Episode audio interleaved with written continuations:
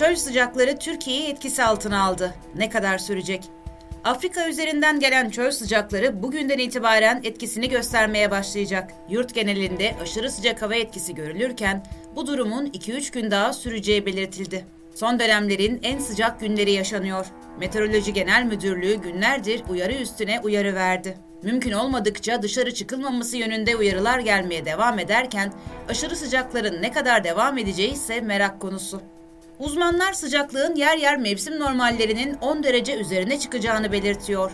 Güney, batı, iç ve doğu bölgelerde sıcaklığın artacağı, özellikle Ege ve Akdeniz bölgelerinde aşırı sıcakların 2-3 gün daha devam edeceği aktarılıyor.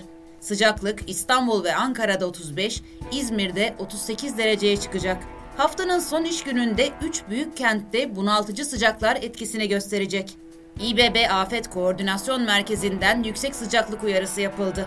AKOM'un yazılı olarak yaptığı açıklamada hava sıcaklığının batı bölgelerinde mevsim normallerinin 6 ila 8 derece üzerinde seyredeceği ifade edildi. Vatandaşların 10-16 saatleri arasında güneşin altında zaman geçirmemeleri ve bol sıvı tüketmeleri gerektiği uyarısı yapıldı. Adana'da sıcaklık 40 dereceyi aştı.